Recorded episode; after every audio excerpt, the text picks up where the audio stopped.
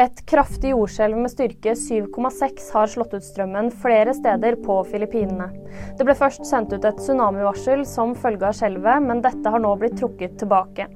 Det meldes om flere etterskjelv, det kraftigste med en styrke på 6,4 ifølge det europeiske jordskjelvsenteret EMSC. 60 nordmenn får reise ut av Gaza søndag, det sier utenriksministeren. Tidligere har 220 personer med tilknytning til Norge kommet seg ut. Det skal være de siste nordmennene som befinner seg inne på Gaza. Martin Ødegaard skåret Arsenals 2-0-skåring mot Wolverhampton. Det var nordmannens fjerde skåring i Premier League denne sesongen. Arsenal vant 2-1 og leder ligaen. Og nyheter får du alltid på VG.